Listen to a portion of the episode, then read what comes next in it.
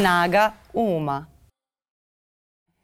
Dobar dan, dragi ljudi, dobrodošli u podcast Snaga Uma. Ja sam Miljana, a mi ovde razgovaramo često o vremenu u kome se nalazimo i načinima da se nosimo sa tim vremenom. A tema današnje, da, evo, ajde da najavimo onda odmah i gosta. Moj današnji gost je kolega, pisac i koautor podcasta DLZ i emisije Marko Vidojković. Mare, dobro bi došao. I kolumnista danasa. Dnevni, I kolumnista danasa, pa dok pobrojim sve tvoje ove... Bolje te našao. Da, sve, sve tvoje potpise ode pola podcasta. I danas ima neko suđenje, isto sam onako pun sebe rekao, ja sam i dnevni kolumnista danas. Da, jeste, da. I onda se i, i, i, i sudinice bilo zone, hm, da, da, i dnevni kolumnista danasa. I ova zapisničarka, hm, i dnevni kolumnista danasa. Je, je li u sudu nisi dozvolio uvodnu reč da završiš do kraja brat, kao i meni? ali me sudinica upozorila, rekao, sedite tu, čutite. A ja neću da te upozoravam, meni si gosti, drag si mi gosti, dobro A ja volim da iseče. volim budem u reč. Ne, ovde, ovde nema se, ovde nema sekanja. O, da, da, da, znači, znala sam i prošli put kada ste mi bili ti kulači. Ovde nema sekanja. Nema sekanja, da. I prošli put kada ste mi bili ti kulači. Opet zbog mene, ne zbog njega Opet sigurno. zbog tebe, da, bila sam u ovoj situaciji zato što čovjek prosto ne može da se pripremi na ovako nešto. Za ovo nema pripreme. Ove, ali, i da li ali, mogu ali da... ovo je pravi podcast, brate. Da li mogu da... Ovo je pravi podcast koji radi Marko Vidojković. ne, nije, ja sam sad gost, tako da sam sad pravi gost u podcastu. Eto, to je to. Hoćemo da pređemo na temu. To mora tako da zvuči. Ima tema? Ima tema. Ovde uvek ima tema. Uh, tema je to novo normalno u medijima. Pre, prekid takozvanog uh, medijskog rata i medijskog progona, čiji si ti baš ozbiljan deo bio. E sad zanima me da li to novo normalno je zaista normalno i koliko se zaista ljudi osjećaju normalno. Sada kao sve je prestalo, da li je prestalo? Da li ti imaš osjećaj kao da je prestalo? Ti si danas bio na suđenju. Da.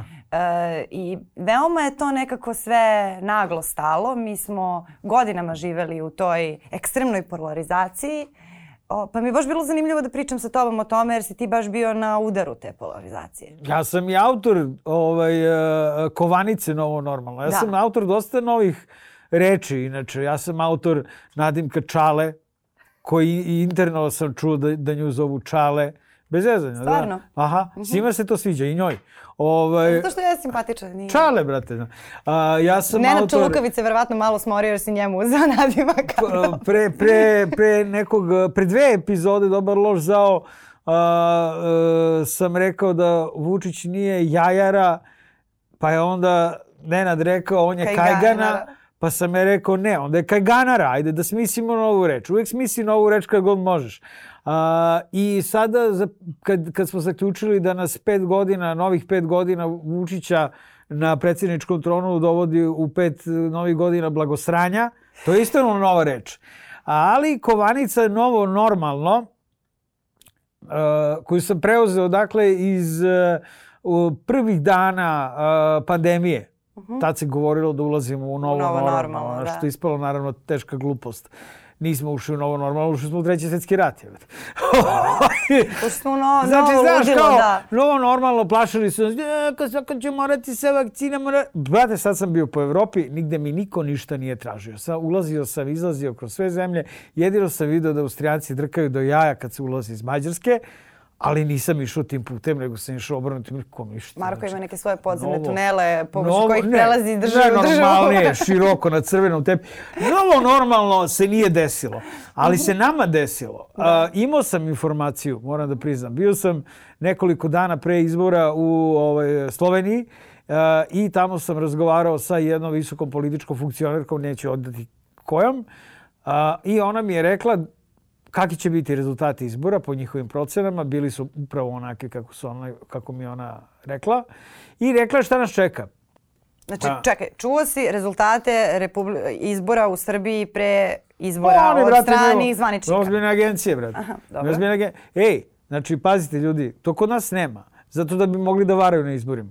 A, postoji nešto što se zove, a, dakle, provere izbornih rezultata istovremeno. Kako moguće da, u, na primjer, u Sloveniji ili u nekoj drugoj zemlji, pet minuta posle izbora se čuju rezultati izbora? Kakva je to magična mašinerija koja, a kod nas nismo imali rezultate za Beograd, GIK se nije oglasio 17 nedelja. E, meni je to čudno. Ja sam bila uh, kontrolorka. Da. I uh, mi smo brojali glasove Da. do 3 ujutru. Okej. I pre 3 ujutru ja sa svog mesta nisam mogla, znači nije Evo se znalo. kako. Ali Da. realno bi bilo da se, na primjer, ajde ako mi brojimo do 3 ujutru i da svi ostali, ajde neka broje do 5, ali da Ma, ujutru evo mora kako, se zna. Mhm. sad ću ti kažem, vrlo je prosto.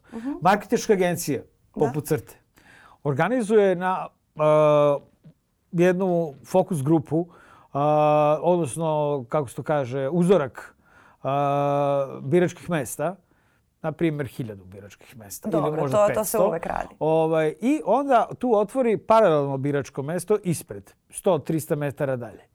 I onda zna tačno koliko im ljudi treba sa kog biračkog mesta da ih oni posle glasanja pozovu i da kažu je možete nam kažete kako ste glasali? Molim vas. I onda ti ljudi kažu kako su glasali. Tako da oni za vreme već izbora imaju glasove i broje glasove.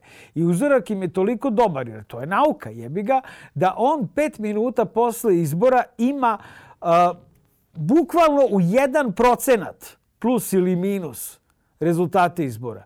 E sad, pošto se kod nas krade, a, kod nas dakle nije agencije, nemaju tu, tu vrstu brojanja glasova, brzog brojanja glasova za vreme izbora. I ljudi Nije- lažu za Nije zabranjeno da. zakonom. Znaju tamo marketari vrlo dobro koja će im baba ili deda ili lik ili riba biti e, uzorak za... Znaju, to, to je nauka. Dakle, svako ima e, svoju ovaj, fokus grupu koju će da pita za koga su za koga su glasali. Tako da ljudi lažu. Evo koji ti je to argument. Mislim, okej, ali kad se radi tako, taj što će lažu, on će kaže neću. Ili će broj tih lagača biti taj 1%, Da, oni koji su rekli da. glasao sam za Vučića. A, a u stvari sam za Đilas. A na kraju ispalo, znaš, ono da je pitanje veliko, kolika je tu razlika. Jel, bilo je na biračkom mestu, ti vidiš tačno ljude koji, koji hoće da se sakriju malo više nego drugi da Zašto? glasaju. Pa ne znam. Da bi slikali listić.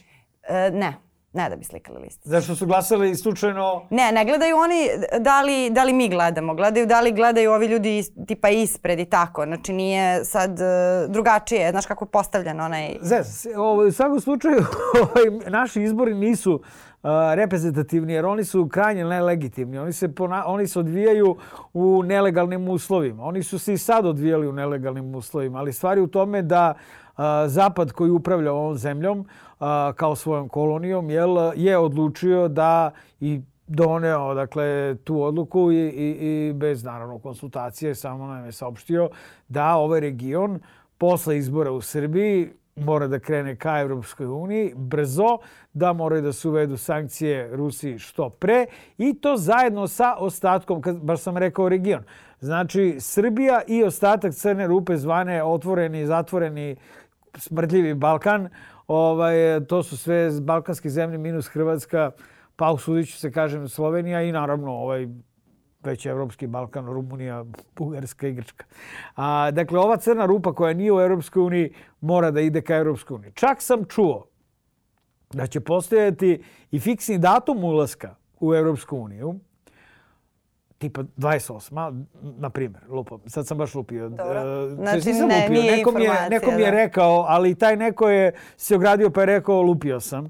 Ovaj, 2028. Meni 2028. znaš, deluje malo daleko, a opet ovaj, eh, to je za svega šest godina, šta? Um, pro, dakle, eto, to je plan. To, je, to nije plan, to je naređenje da se, da se, da se to uradi. Naređenje i izvršenje. Ja sam to naređenje nazvao uh, novim normalnim. I za vreme izbornog procesa mene i dalje držala ta tenzija. Kad čitam tu kolumne iz danasa iz tog perioda, ovaj, vidi se da sam i na dan izbora bio u Frci. Da. Bilo je tuče u, u Galenove Galenici. Pavle Grbović i njegova verenica su tamo pravili sranja. Ovaj, naprednjaci isto. Što? Pavle, Pavle gađa ovog sa čašom je. Bi. Ove, Rekao bi da znam, oni kažem, bio je izborni dan e, Bio problematičan. gadan izborni Da. dan. Gadan izborni dan. U svakom smislu je Namestili su nas e, žešće sa, sa tim brojem izbornih mesta.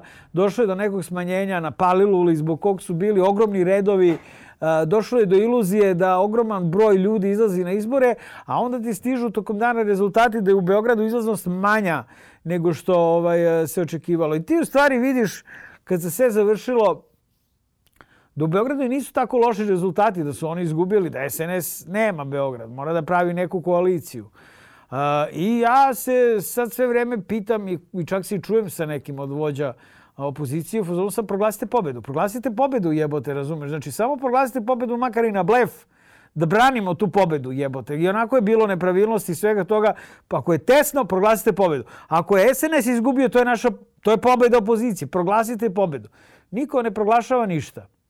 I tu se ja setim, tu, to jest, tu dođe u stvari do sastanka Vučić-Đilas i ja se setim svojih razgovora slovenačkih i onda skontam da je to u stvari početak novog normalnog. I tad sam rekao ovo je novo normalno, uh, koliko bude trajalo, bude.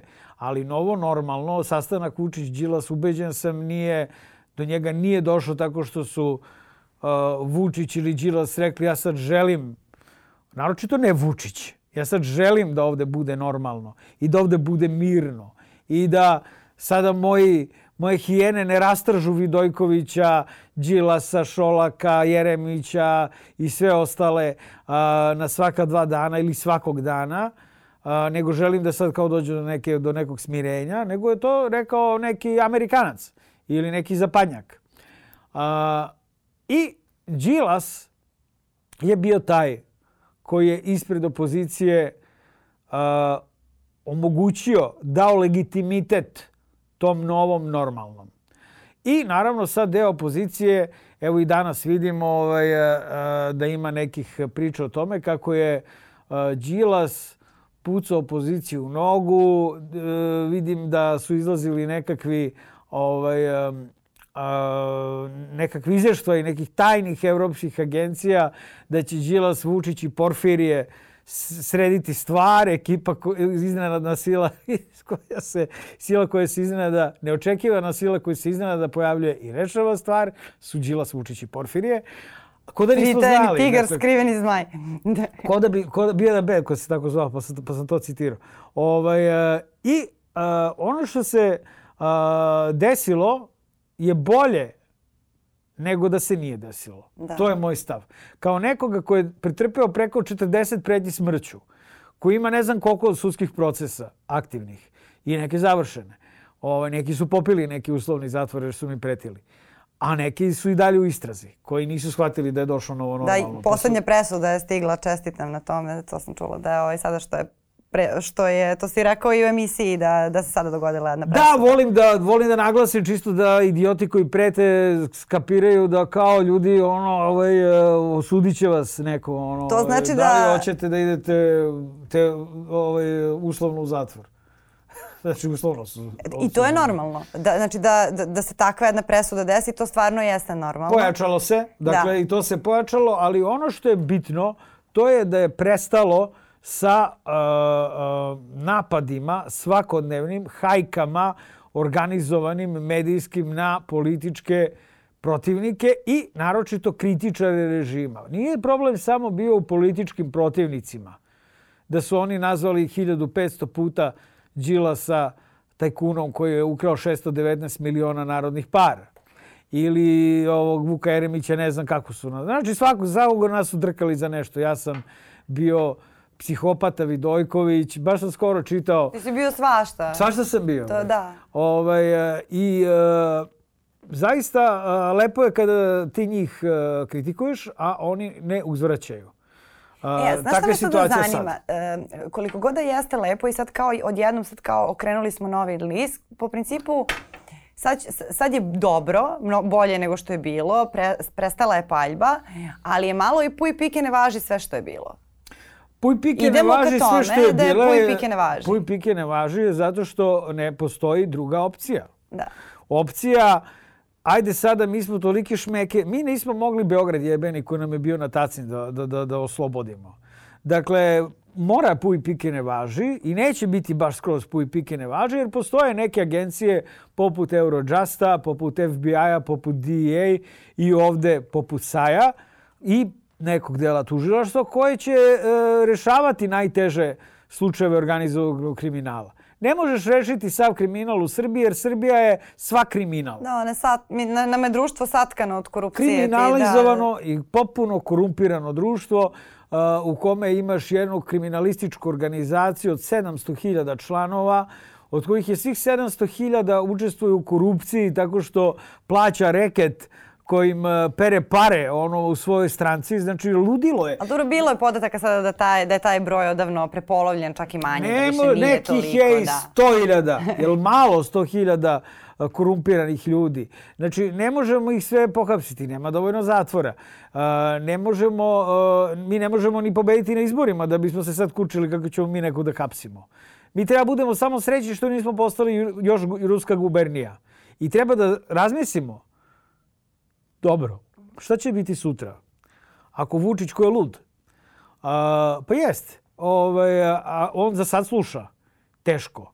Znači, ne ide mu lako. Vidi se da on a, ima ozbiljnu unutrašnju borbu, ne samo foliranje kako će da servira svoje odluke odvajanja od Rusiji onima koje je napajao Rusijom 10 godina On ima ozbiljan lom u sebi zato što ima ozbiljan strah od svega što može da mu se desi, zato što se preigrao. On ima ozbiljan strah od konkurentskih kartela, on ima ozbiljan strah od Rusa, on ima ozbiljan strah i od Zapada. Znači, na sve strane prpa. A on nije neki hrabar tip. On je jedna kukavica. I sad znači kad si kukavica, nađeš se da se plašiš ruskog čaja, ruske mašine za disanje pod vodom, ruskog uh, posoljene supe ili već šta već Rusi rade, brate, od čega im se svaki neprijatelj prevrne odjednom i u stranim zemljama i u zapadnim zemljama i tako dalje. Pa s druge strane imaš uh, kartel koji ti je bio toliko blizak da neki ljudi misle da si ti upravo vođa tog kartela koji si pohapsio, Ali to znači da to ne znači da je prestala trgovina gudrom. To ne znači da ne postoje konkurentski karteli kojima si ostao nešto dužan. To da znamo kako karteli rešavaju stvari. I s treće strane postoji Zapad koji ima ovoliku crnu listu, sve bliži od bližeg Vučiću, za sve odvratnije odvratnije stvari. Dakle, prema onome što sam čuo nekih zapadnih izvora, a, mete tih crnih lista i sankcija mogu biti svi osim šefa države. Tako je neka diplomatska praksa da jedino Vučića ne može DEA da uhapsi još uvek. Osim ako ne, neko ne donese suprotno. Ali dobro, sve to što si rekao, to je kao uh, u suštini ti tako vidiš i ovo, to je deo i ovog novog normalnog. To je, e, to, to ja je bih, zahvaljujući tome postoji to, novo normalno. A mene sad, mene sad zanima kako to utiče na ljude? Sad kao u redu, mi odjednom gledamo medije koji izgledaju normalnije, ne mogu sad da kažem baš ni normalno, zato što nacionalne frekvencije izgledaju daleko drugačije od onoga kako bi trebalo da izgledaju, makar na papiru i u teoriji. Mnogo toga u medijima još uvek nije kako treba, jer nije ni politički progon jedan i medijski problem u Srbiji, ali normalnije je. A da li se ti sad osjećaš normalno? Ne. A, nije, nije stvar u no, novom normalnom da je to nešto što može se desiti preko noći. Ova me, zemlja je devastirana uh mhm. -huh. deset punih godina za vreme Slobodana Miloševića i sad još deset godina za vreme... To me mnogo više zanima. Sve te političke traume koje mi gomilamo i koje nam utiču na živote, kako Najgore to je onima izgleda? koji uh, se pravi da se ništa ne dešava sve vreme. Uh -huh. Ima dosta ljudi koji su se pravili ovih deset godina da se ništa ne dešava. Mnogi moji prijatelji, znaš, kad se s njima vidiš, ti vidiš da on živi neki život, jebote kao. On ladno živi neki život i onda dobije rak. Ovaj... Joj, pa dobro, ne možeš sad da... Ne, ali tako se dobija, brate, znaš, zato što ti živiš život u sred uh, toksične jame koja je Srbija i ti živiš život i praviš se da se ništa ne dešava i odjednom nešto te negde zaboli ili ne znam ja, o rengen općao. Ovaj, uh, uh, zato što su odbijali uh, da pristanu da prihvate a, nakazno okruženje u kome smo se našli. I zato što su imali, to jest imaju porodice, decu, poslove, ne znam ja šta i odlučili su da prave takozvane bablove, to nisam ja izmislio, ali, ali to postoji To kao neka da. teorija. Mikrosvetovi u kojima da, se oni zatvaramo. žive Da. u svojim mikrosvetovima, oni žive u svojim bablovima i u tim bablovima je navodno sve u redu. Naravno da nije sve u redu, jer to nisu hermetički zatvoreni bablovi, oni šalju tu decu u vrtiće, oni šalju tu decu iz škole, deca im se vraćaju iz škole isprebijana ili su možda nekog prebila, a, društvo vaspitava tu decu, a ne više roditelji ih vaspitavaju dok su ovdje, evo, do druge godine. Do druge godine roditelj ima kontrolu nad svojim detetom. Do druge godine deteta.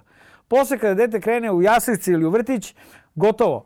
Ovo nakazno društvo ga preuzima. I ostala nakazna deca, ostalih nakaznih roditelja, koji su ili poludeli jer su sa ove strane ili su poludeli od, od moći jer su sa one druge strane.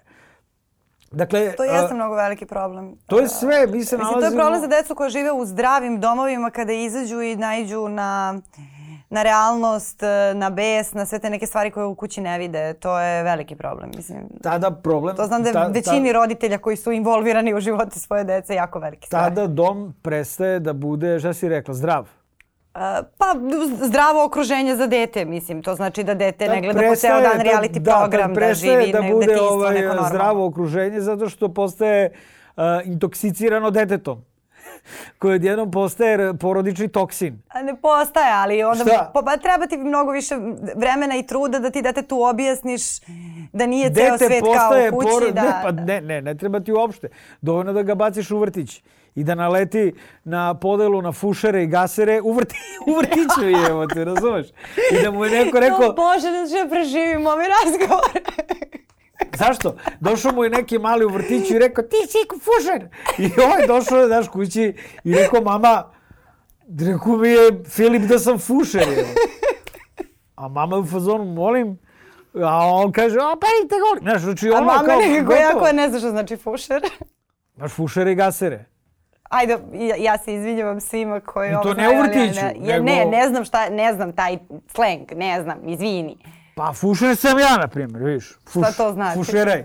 Nosim fušeraj, nosim majicu s koncerta. Ne, A to kao ti be- ležeran si. Ne, nego si klošar. Aha, A dobro. gaser to je onaj koji nosi sve isključivo firmirano i skupo.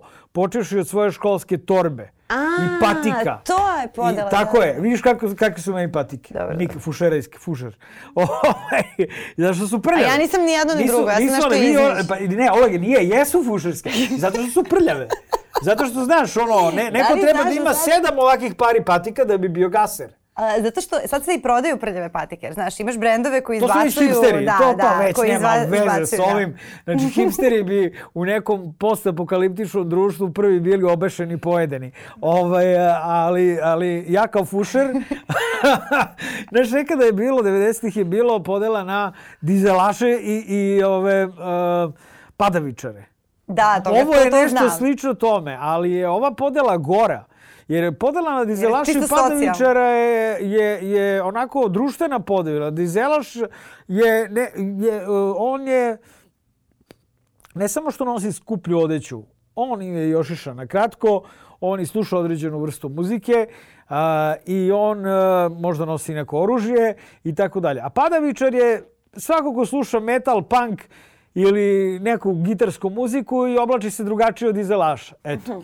A ovo je podela na bogate i siromašne. Yes. Gde svako ko je siromašan je fušer i u nekom dečijem društvu ima niži status. To je jezivo. E tako izgleda naše društvo. Možda neko E, ali sad kad Možda vratim film, mama ili Mare, neki- sad kad vratim film, znači, uh, ja sam bila dete 90-ih i išla sam, uh, znači, živjela sam na Banovom brdu, gde su Znači te dete, podele... ja sam dete 90-ih. ali bila sam mala, bila sam u vrtiću 90-ih. dobro. uh, I nije postojala ta term- terminologija, ali je i tekako postojala ta, ta podela na decu uh, koja imaju brendirane stvari i one koju nemaju i ona je baš bila jasna jer se tada desilo to gore dole kao, ka, kao u seriji.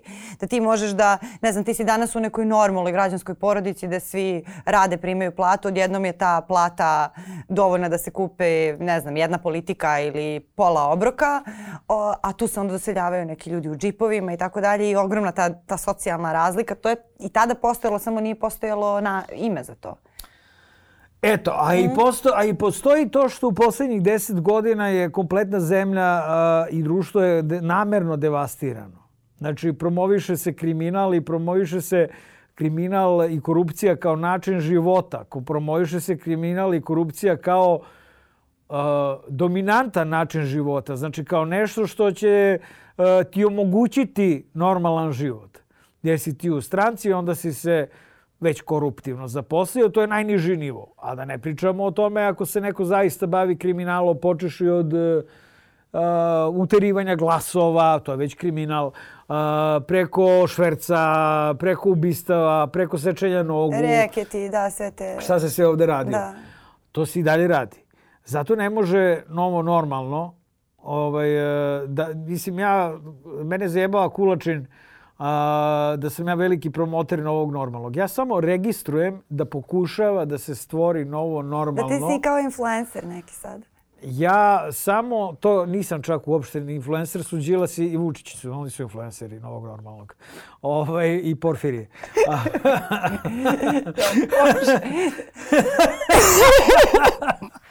Oni su influenceri. A ja, ja ću sam... da snimim još jednu epizodu da ću samo da prokomentarišem sve stvari koje u suštini su... Ok, idemo dalje. Šta pričaš, bre? Ovaj, pusti, pusti podcast da teče, što bi se reklo. Pusti vodu, neka, neka curi. Neka ide. Ovaj, ovo je novo normalno, dragi dakle, gledalci, slušalci. a, dakle, ako gledamo novo, ja novo normalno govorim iz ugla nekoga koje živeo u, u, u popuno nenormalnim uslovima. Iz ugla nekoga kome je rečeno nemojte sada dok traje kampanja, dve nedelje by the way kao traje kampanja, ni ti ni žena da izlazite napolje, jer ovi imaju i meksičke metode, možda će neko naciljati nju, a ne tebe. Molim. Tako mi je rečeno. Znači, rečeno je, nemoj samo ti da nisu ovo junačke vremena 90. Ovo, ovo kaže, ovo su meksičke metode, oni seku jedni drugima glave, noge. Nije isključeno da će ići na člana porodice, a ne na tebe. Tad mi Keva blindirala vrata, mislim ne meni, nego sebi je blindirala vrata, kada mi je to rečeno, a, a žena šta će sa mnom u kućni pritvor. I oboje smo se pretvorili u mečke, u kućnom pritvoru. Zato što kad sediš po ceo dan gajbi, razumeš, ono, ne dve nedelje, nego posle dve nedelje krene nova jebote. I onda dobiješ isto. Znaš, sa 40 pretnji smrću, ovaj, gde ti je jedina zaštita. I kako, kako se saživiš sa tim? I kako, brate, umreš sa tim? No, traje, traje Odeš to dve zemlje, nedelje, jebote, tako. Traje, to traje dve nedelje i kako ti se to menja sad? To je, mislim, ne, ti, tebi pretnja nije se, to bila prva. se na Tebi ne, postane ne, normalno da, da ti je možda glava bilo, To je bilo, prošlog leta krenulo baš gadno. Ja ne mogu da skonde zašto je 2021. baš sam im ja, možda zbog romana Đubre. Ne, ne bi me čudilo jer sam ih stvarno zaklao lepo i ove kovečio za sva vremena i roman je prodat u preko 23.000 primjeraka, znači ne mogu mu ništa, odnosno meni mogu svašta. E, ja sam jedino to skontao. Ali dobro, znači... gledaj to sa ove strane. Ako bi ti se nešto desilo, taj roman bi se prodao u milion primjera. Ma jebe mi se, mislim, znači dovoljno se prodao. ne, ne, hoću da kažem da kao ako idemo iz tog ugla, nikome, nekome se ne isplati da se tebi nešto desi, ali ne znam kako uopšte, ovde u suštini najvažnije je to kako se ti nosiš sa tim. Naj, pa i njima je najvažnije to. Najvažnije je da te izlude i da te upropaste. Psihofizički. Dakle, psihički ne mogu toliko da me upropasti, ja sam već onačet, ali, ovaj, ali fizički mogu da te upropaste. Zato što onaj koji leže u zatvoru, on ima dve šetnje dnevno, po sat vremena. A jako mi je rečeno, sedi gajbi. Nemoj da ideš ni u samoposlugu. A, nego se hrani, hranimo se dostavom ispred vrata, beskontaktnom. De, debelo posle pandemije, pazi, znači sad nema blo, ono, ali i dalje to dostava ostavite ispred vrata. Na vratima ne piše ništa naručuje moja žena.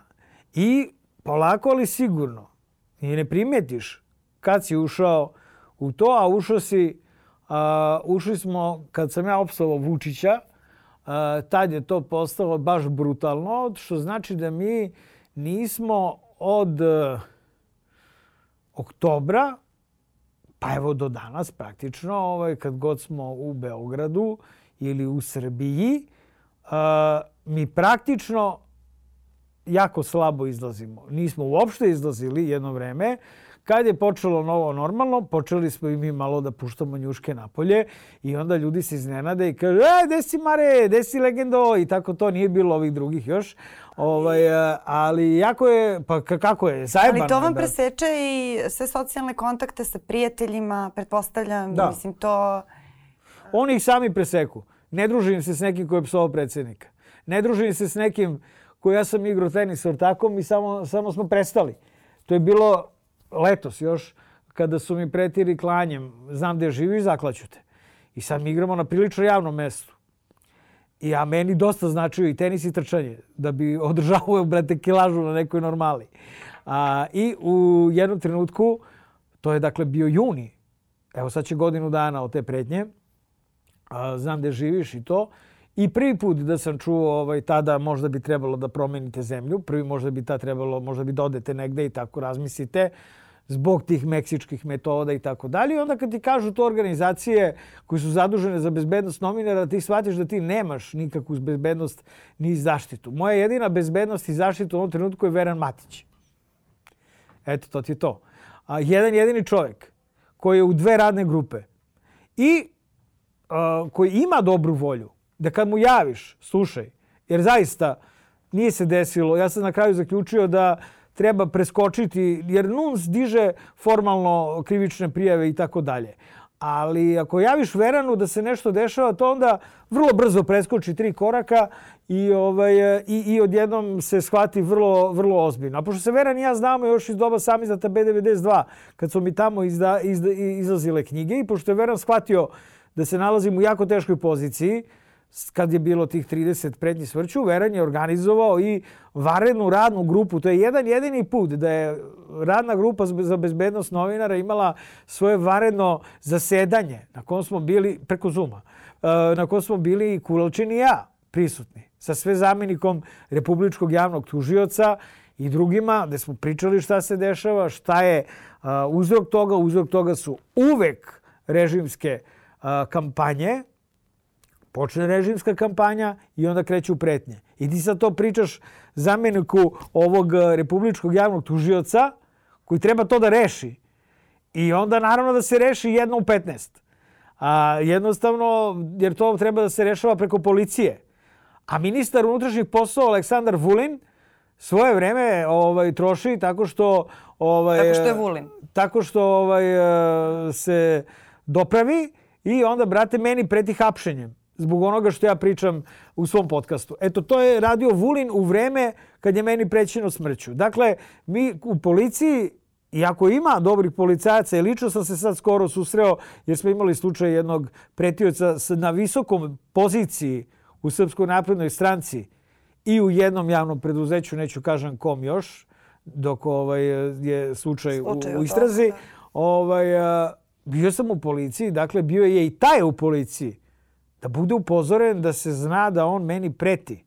On meni posredno preti, Kurvinski. Znači on pozove nekoga i onda kaže daj mi Vidojković adresu, doći ćemo da ga ubijemo. Tako mu kaže. Liko je funkcioner SNS-a. I to je bilo isto na radnoj grupi sada. Al, ali lik je bolid. I ovaj, hoću da kažem da a, ne znaš, i zato ti kažu sedi kod kuće, na kog ćeš bolide naleteti. To je ono na što je režim, režim računao a, a to je da u sred kampanje neće tebi režim ništa, nego će neki režimski bolid koji gleda režimske televizije, čita režimske novine i po, po, puna mu je sad od jednog glava Marka Vidojkovića kao apsolutnog negativca. Ako te vidi na ulici, u najmanju ruku te ispesniči, razumeš? Ili ne znam ja nešto još gore, ako nosi oružje ili ako nosi sa sobom neki nož, oni nose sve i svašta. I, ovaj... I ti onda dođeš u tu situaciju da kad god ideš ulicom da si u gardu... Tako je. Da, tako, tako je već tako je bilo i pre ovaj ovoga. 2021. je samo eskaliralo dotle da mi praktično nemamo prostora za izlazak iz kuće, jer ti kada jednom provedeš dve nedelje na gajbi, ti posle jako teško da, izlaziš sa gajbe. Ove, da, to je jako, jako... E, Mislim, to je znači... veliki problem, čak i ono u koroni bio kad je apsolutna izolacija, posle ti treba vreme da se adaptiraš ali je korona bila drugačija. Ovo da. je jedno je virus, a drugo, a drugo su ljudi i ono, ta, ta vrsta Da. pretnje. Eto, tako da, se ti ovaj- sećaš života bez tog pritiska?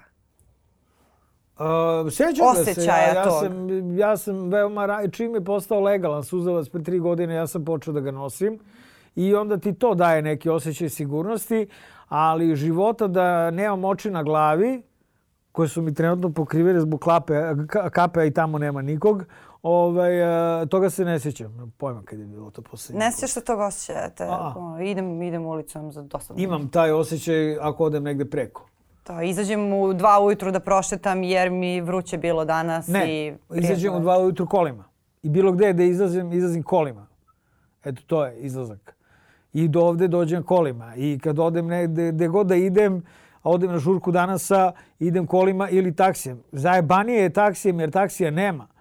A, pa onda moraš da stojiš jedno vreme na ulici, razumeš i da gledaš levo Taksi je desno. bukvalno, znači po, posle pola sata traženja taksija u fazonu si ima nekog danas koji je planirao da me ubio. Tako da kako ću ja se napijem na, na žurci danasa ako Da. moram da vozim kola. Da, znači, e, nema, nema. Ali ja sam odabrao, to meni je žao moje supruge, koja bi, siguran sam da je nije mene bila popuna politična, ona se bavi a političnim zanimanjem, ona vizualni umetnik, znači veze sa, nema sa politikom, ona je prirodno na moje strani. I odvratan je ovaj režim, ali više zbog onoga što rade meni nego zbog same prirode režima, jer ona ne zavisi ni od režima, ni od ove zemlje. Ona je davno mogla da ode i da, i da, i da živi kao normalan čovjek negde, negde drugde. Nego sam ja tek, znaš, jedan teži, ovaj će ti, te, dosta ste težak, tek zbog zanimanja kojima ja mogu teoretski negde da se bavim. A, kada se razmišlja o, o odlasku iz ove nenormalne sredine. A, Ali to je jako veliki pritisak. Mislim, to je pritisak i ono na me, jer vas dvoje jedino jedno s drugim u stvari možete pričati o tome što prolazite. da, Jer ti ako imaš ortaka e, koji nema problem s tim, pitanje je koliko bi mogao da te razume. Ne, ne, samo nas dvoje. Mislim, nas dvoje smo ekstremno bliski. Ono, sedam godina braka je to već i ovaj, e, bliski smo do neki, po nekima nenormalne mere, ali jesmo jedno drugom i najbolji prijatelji i nerazdvojni smo i, i to se videlo i u tokom pandemije kada su svi jel, bili zatvoreni jedni s drugima. Nama je bilo super je, jedno s drugom i uvek nam je super uvek ćemo mi da nađemo neku internu zabavu. Ali problem je u tome što iz, uh, uh, nije sve ste u zabavi. Nešto je i u nekom zdravom načinu života. Zdravom u smislu da izađeš u šetnju. Pa da, svaki par treba da ima socijalni život. Mislim, po, treba da imate ekipe sa kojima se družite, a ne samo, mislim, Da, nije, nemamo, nemamo nikakve to je, ekipe. to je veliki pritisak na odnos. Družimo se sa roditeljima njenim i, Da. i mojom kevom. Da, to je, to je veliki pritisak na odnos. Mislim, stvarno svaka vam čast kako Novo, se držite. novo da. normalno. Pa, znaš šta, pitanje je e, kako se drž- dr- držimo da nismo odlučili da povučemo neke poteze da bi sebe izbavili. Razni su to Pa dobro, potezi. ne potezi smem su da... držanje, mislim. Da. A, ono što je ovaj e, ono što je bitno da se vratimo na novo normalno. A, ono je dakle privremeno pošto je za novo normalno odgovoran nenormalan čovjek Aleksandar Vučić. A, mi se nažalost nalazimo u situaciji pa, jel vi vidite koliko on ima zapadnih delegacija nedeljno. Njemu dnevno dolaze ljudi jer znaju da pričaju s ludakom, razumeš? I da, ovaj, i da moraju da mu stalno zavrću ruku, jel? Ovaj, baš sam za današnji danas pisao o, o tom autobusu koji vozi ludak u ludačkoj košulju, a, a volan drži zubima. E to je takav izgleda Srbije. To je autobus sa 6 miliona putnika To je bila dobra karikatura. koju vozi, koju vozi Lu- Ludi Vučić. I sa kacigom, ovaj, ruskom letačkom, ali o, o, stavljeno na opačke, da ne može ni da vidi kuda vozi. Ovaj, eto tako izgleda Srbija. I sad je njemu rekao, ej, zaustavi, daj da ti skinemo kacigu, da bar vidiš kuda voziš zubima. E, sad se nalazimo u toj situaciji. On sad odjednom vidi kuda vozi, ali i dalje u ludačkoj košulji i dalje vozi zubima, drži volan. Ovaj, e, tako da situacija zaista njemu zaista treba pomoć. I od Đilasa, i od Porfirija, i od svih nas. Ja sam od uh, Zimus, kada sam primetio da će on morati da se opredeli, a, da, da okrene leđa Rusima, a, govorio da Vučić nema druge pomoći osim nas. On je jedan usamljeni ludak i kriminalac. A, a mi nemamo nikog osim njega kada pogledamo na šta nam liči opozicija, problem sa našom opozicijom je taj što naša opozicija pre svega razmišlja o glasovima i o javnom minjenju, koje je debelo naštelovano nacionalistički i prorusko. Prema tome, naša opozicija je popuno umrtljena i onemogućena da funkcioniše prozapadno, demokratski, građanski, zato što će jel, neki tamo nacoš da popizdi zbog toga. Prema tome, neupotrebljiva je.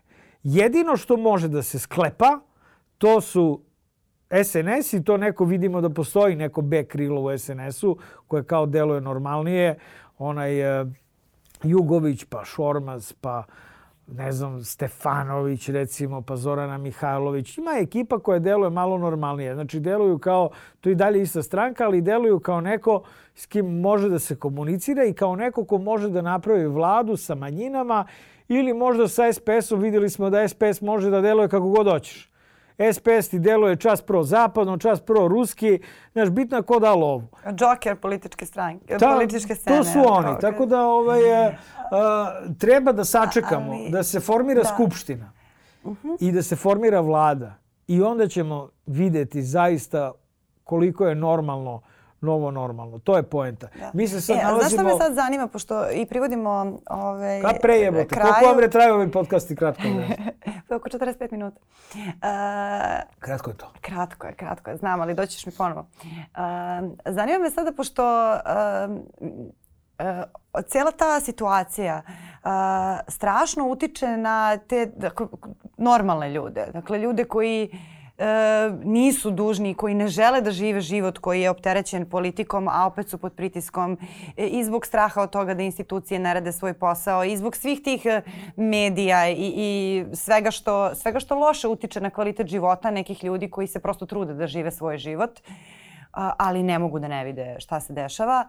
Kako sad, kako sada tu pronaći meru jer ti si doživeo taj ekstrem, e, ekstrem medijskog rata, i sada ovog normalnog gde je to odjednom sada stalo i ti sad sediš i ne znaš da li da ideš ili da ne ideš. Nije da čak, nije čak stalo, ne, ovaj, ne, ne, idem sa suzavcem, uh -huh. nije stalo. Nije stalo, samo je se primirilo, samo je neko rekao prekidaj paljbu. Odmor. Prekini paljbu, ali i dalje stoje tu svi oni naoružani do zuba, ti mediji spremni da obnove paljbu onog trenutka kad im se to kaže. Mi to i vidimo ovih dana kako su isti ti mediji osuli paljbu na Zoranu Mihajlović je dala izjavu za Nova novine. Znači, odjednom novo normalno nije postojalo za jedan, za jedan, za jedan, na jedan dan.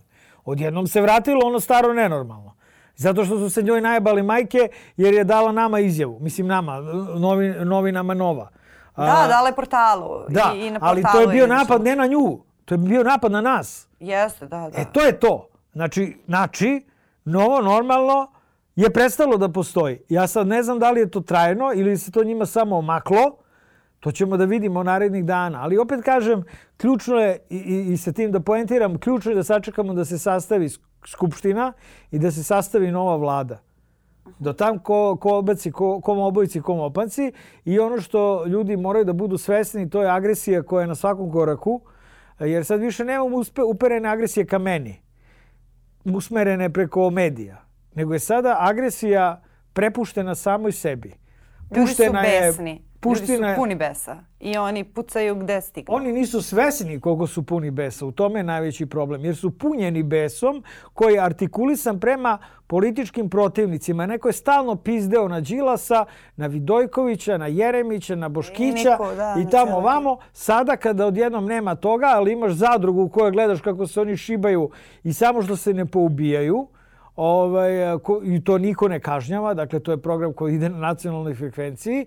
A, imaš dakle i ljude i to možeš da vidiš u vestima, bio miran, tih i povučen, a onda brate mu nešto komšija nezgodno rekao, on otišao po Kalašnjikov koji je zakopao negde nekom prilikom ispod nekog duda, repetirao i rtttt, izrokao miran i tih mladić bio, izrokao komšiju. Ovo ubistvo žena, to je već, to je inače srpska tradicija, ovaj, da čo, muškarac ženu gleda kao svoje vlasništvo i kad je s njom i što još gore pošto više nije s njom, tad je posebno gleda kao svoje vlasništvo koje niko više drugi ne sme ni da pogleda i tad je vrlo često ubije. Sad se to dešava mnogo češće Da, nego broj, pre. broj femicida raste i to je taj, To. to je, Najlakše ti je da digneš ruku na svoju ženu. A, kurva, rak! Eto, to ti je Srbin, jebi ga. Ove, ali to se, to se hrani. Ti imaš e, države ko, koje u okviru MUPA e, imaju načine na koje pokušavaju da spreče takve ekstremne, Da, e, takva ekstremna pucanja i za tako teške zločine e, tačno je da ne postoji opravdanje, ali postoje okidači. I posao društva koje dobro jeste da uradi sve što je moguće da se ti okidači ne dese, da se takve stvari predvide, Postoje da se nekome... postoje i više kazne propisane, Ovaj, ne kao ovde. to. Ovde se redovno dobijaju smešno niske kazne za femicid. Znači ono, kao i da sudovi, ovde se, skoro sam pisao tekst o tome, ovaj, tragedija u Prčilovcu. Da, to je tvoj- tvoja ne, kolumna ne, u- ne, da, zločin danas. je, to je zločin, ne smeš ubistvo nazivati tragedijom jebote. Tragedija je nešto drugo. Jest. Zločin mora da se nazove zločinom. I onda kad nazoveš zločin i kad ga osudiš lepo na 40 godina jer je ubio ženu, koja je majka neke dece, znači težak i svirep zločin, e onda će, kad dvojcu već tako osudiš, onda će onaj treći da se zapita i da se uplaši konačno.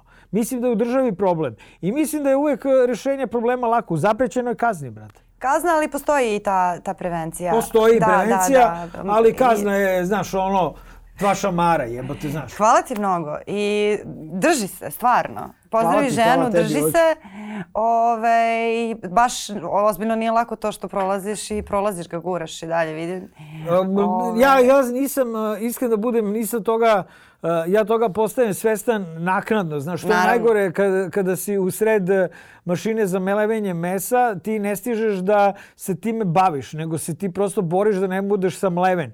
I onda nekako usput kada gledaš sebe sa strane, e, onda tek vidiš koliko Kad to se zastrašujuće. osvrneš, onda vidiš gde si. Da, da. Da, da. Ne, naročito kad se pogledaš u gledalo i kad vidiš koliki si, ocenja na gajbi i naručivanje klope, e tad si u fazonu, aha, brate, tako se dobija čuka, brate. Ništa, dogodine ti da se prijaviš u sledeći Survivorima i da smršaš i da se Ne, ne, skloniš dogodine, daj Bože, neću ovde ni da budem.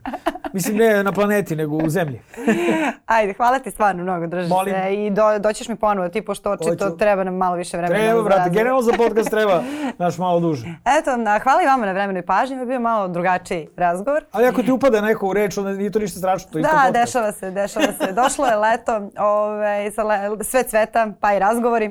Ove, a mi smo tu i sledećeg ponedeljka na Nova RS, podcast platformama i od srede na YouTube kanalu Nove S. Prijetno. Oh.